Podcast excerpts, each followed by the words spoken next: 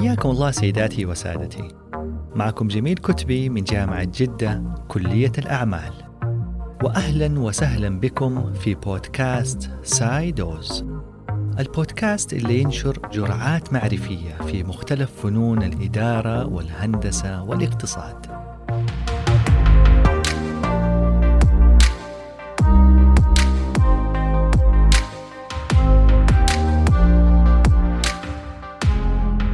اليوم راح نتكلم عن منتج يهم كل فرد فينا. عن منتج راح ينقذ بحول الله حياة المليارات من البشر وانتظرناه بفارغ الصبر. ألا وهو لقاح الفيروس اللعين كوفيد 19 هذا الفيروس اللي قتل أكثر من مليون ونصف إنسان خلال سنة. وأصاب أكثر من 66 مليون شخص حول العالم خلال هذه الفترة. فمن وقت ما ظهر الفيروس في مطلع عام 2020 وحكومات العالم ومراكز الأبحاث والشركات تتسارع لإيجاد اللقاح وإنقاذ البشرية. إنقاذهم طبعا من الدمار الصحي والاقتصادي والاجتماعي اللي نعيشه اليوم. والحمد لله ظهرت للآن ثلاثة لقاحات رئيسية في وقت قياسي جدا مقارنة بعالم اللقاحات. فأقصر مدة اخترع فيها لقاح قبل كورونا كانت أربع سنوات. أما اللقاحات الثلاثة والخاصة بكوفيد 19 تم تطويرها في أقل من سنة. وهي تابعة لثلاثة تحالفات لعدة شركات وهي أول تحالف ما بين شركة فايزر الأمريكية وشركة بايونتك الألمانية. ثاني لقاح خاص بشركة ماديرنا الأمريكية. وثالث لقاح خاص بتحالف شركة أوكسفورد وأسترازينيكا البريطانيتين. خلال هذا العام واجه العلماء الكثير والكثير من التحديات والعقبات إلين ما وصلوا لهذه اللقاحات. ولكن ما انتهت هذه التحديات بمجرد اختراع اللقاح. فالآن دخلنا في تحديات جديدة صناعية ولوجستية لم يشهدها العالم من قبل. فمن قبل كوفيد 19 كان العالم ينتج ما بين ثلاثة إلى خمسة مليار لقاح سنويا لمختلف الفيروسات والأمراض. وهذا الرقم طبعا لا يتضمن لقاح الإنفلونزا الموسمية. وعلشان نلقح أكبر عدد ممكن من سكان العالم للقضاء على جائحة كورونا فرح نحتاج لإنتاج 6 مليار لقاح. وهذا الرقم يعني مضاعفة السعة الإنتاجية لمصانع الأدوية بالعالم. وبما أن لقاح كورونا يتطلب جرعتين يتم أخذ الجرعة الثانية بعد 21 يوم من الجرعة الأولى فهذا يعني أن العالم يحتاج ل 12 مليار لقاح لتطعيم 6 مليار شخص في 195 دولة حول العالم مما يعني أننا نحتاج لرفع السعة الإنتاجية لمصانع الأدوية ثلاثة أضعاف السعة الحالية. وهذا في حد ذاته تحد كبير لقطاع الصناعة الدوائية حول العالم. في هذه الحلقة راح أخذكم بحول الله في رحلة قصيرة ومبسطة. نحاول فيها فهم حياة هذا اللقاح إلا تبدأ من صنع القنينة الزجاجية وتنتهي بإبرة في يد المريض. وراح نبحر سويا في سلسلة الإمداد المعقدة والخاصة بهذا اللقاح. وأيضا راح نوضح بعض أبرز التحديات اللي تواجه كبار الشركات الصناعية واللوجستية. خلال هذه الرحلة المثيرة والمليئة بالمخاطر والعقبات التصنيعية واللوجستية. راح نقسم هذه الحلقة لثلاث مراحل رئيسية. أولاً مرحلة ما قبل التعبئة. ثانياً مرحلة التعبئة. ثالثاً وأخيراً مرحلة ما بعد التعبئة.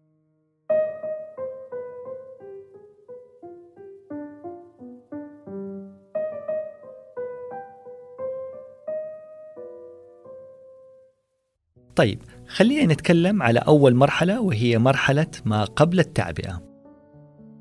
في هذه المرحلة راح نتكلم عن صناعة ال vial أو القنينة الزجاجية اللي نحط فيها اللقاح. فالزجاج المستخدم لهذه القنينات هو نوع خاص يسمى بوروسيليكات ويحمل مواصفات خاصة جدا بحيث أنه ما ينكسر إذا سقط ولا يتهشم في درجات الحرارة المنخفضة جدا ولصناعة القنينة نحتاج سبع مواد ومعادن وهي الرمل، السيليكا، الصوديوم، البوتاسيوم، المغنيسيوم، البورون والكالسيوم. وعشان نتحصل على هذه المعادن نحتاج سلسلة إمداد كبيرة وتشمل عدة دول حول العالم زي البرازيل والهند وأمريكا الجنوبية وأوروبا وأستراليا وإفريقيا. وبعض هذه المعادن تأتي من منطقة جغرافية معينة وخاصة وهذا يشكل عنق زجاجة في سلسلة الإمداد. فمثلا نلاقي أنه 70% من معدن البورون يتم استخراجه من تركيا. بعد طلب كل هذه المعادن يتم نقلها لمصانع شركات القنينات برا وبحرا عبر شبكة لوجستية طويلة. زاد تعقيد هذه الشبكة بسبب قفل بعض الدول حدودها بسبب الجائحة وهذا أثر على كفاءة عملية النقل.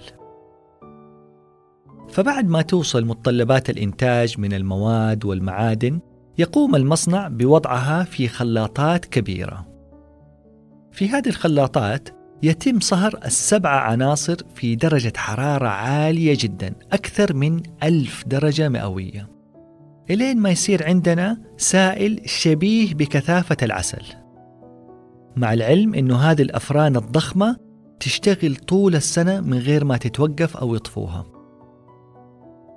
في العملية التالية يتم تشكيل السائل وتبريده. علشان يصير زجاج على شكل أنابيب طويلة وبعد كذا يتم وضع هذه الأنابيب الطويلة في كراتين وينتهي بكذا عمل هذا المصنع فبعد هذه المرحلة يتم نقل هذه الأنابيب لمصانع أخرى في دول مختلفة زي الأرجنتين والمكسيك وأمريكا وسويسرا وألمانيا واندونوسيا والصين. هذه المصانع متخصصة بقص وتشكيل الأنابيب الزجاجية على شكل قنينات صغيرة بمقاسات مختلفة. فعلى مستوى العالم يتم إنتاج 50 مليار قنينة سنوياً. وبمجرد ظهور فيروس كوفيد 19 قامت مصانع الأدوية مباشرة بتقديم طلبات إضافية لمصانع القنينات وهذه الطلبات الإضافية شكلت ضغط كبير على مصانع القنينات وعلى سعتهم الإنتاجية. وفي نهاية خط إنتاج هذا المصنع يتم وضع القنينات في كراتين وتوضع هذه الكراتين على طبليات ويتم نقلها لمصانع الأدوية حول العالم. وعملية نقل هذه الكراتين طبعا تحتاج لشبكة لوجستية طويلة أيضا.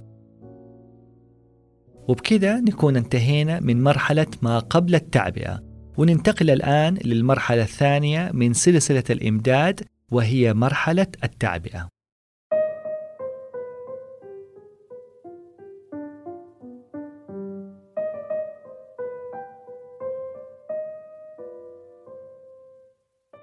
ثانيا مرحلة التعبئة. تبدأ هذه المرحلة بوصول الطبليات لمصانع الأدوية ويتم إخراج هذه القنينات الفارغة من الكراتين.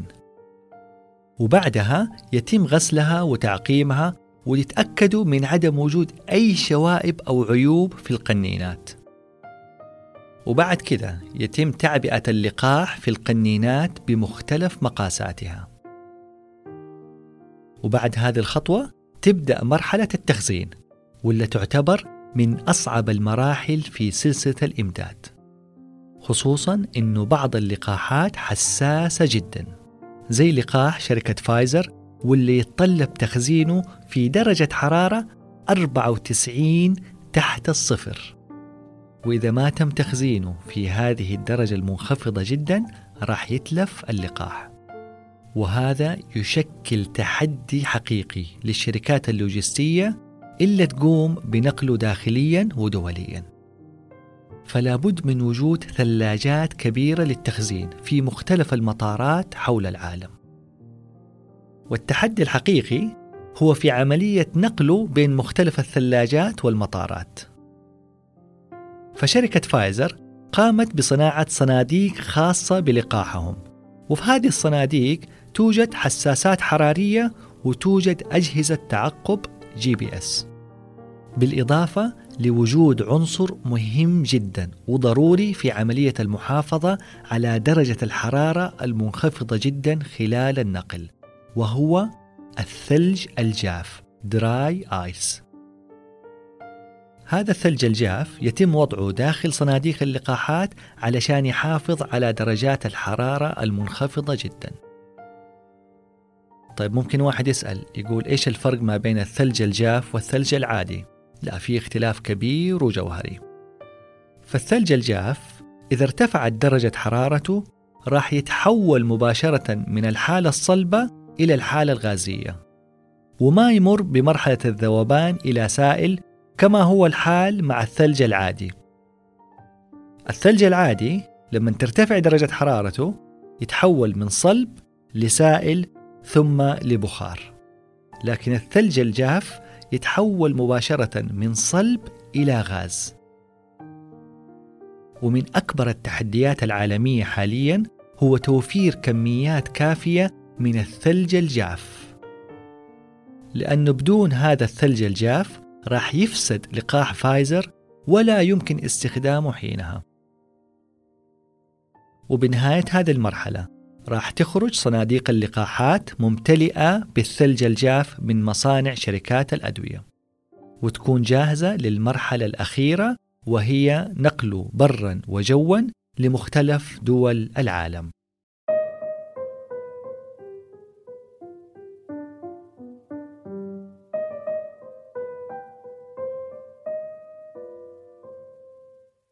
ثالثا مرحلة ما بعد التعبئة.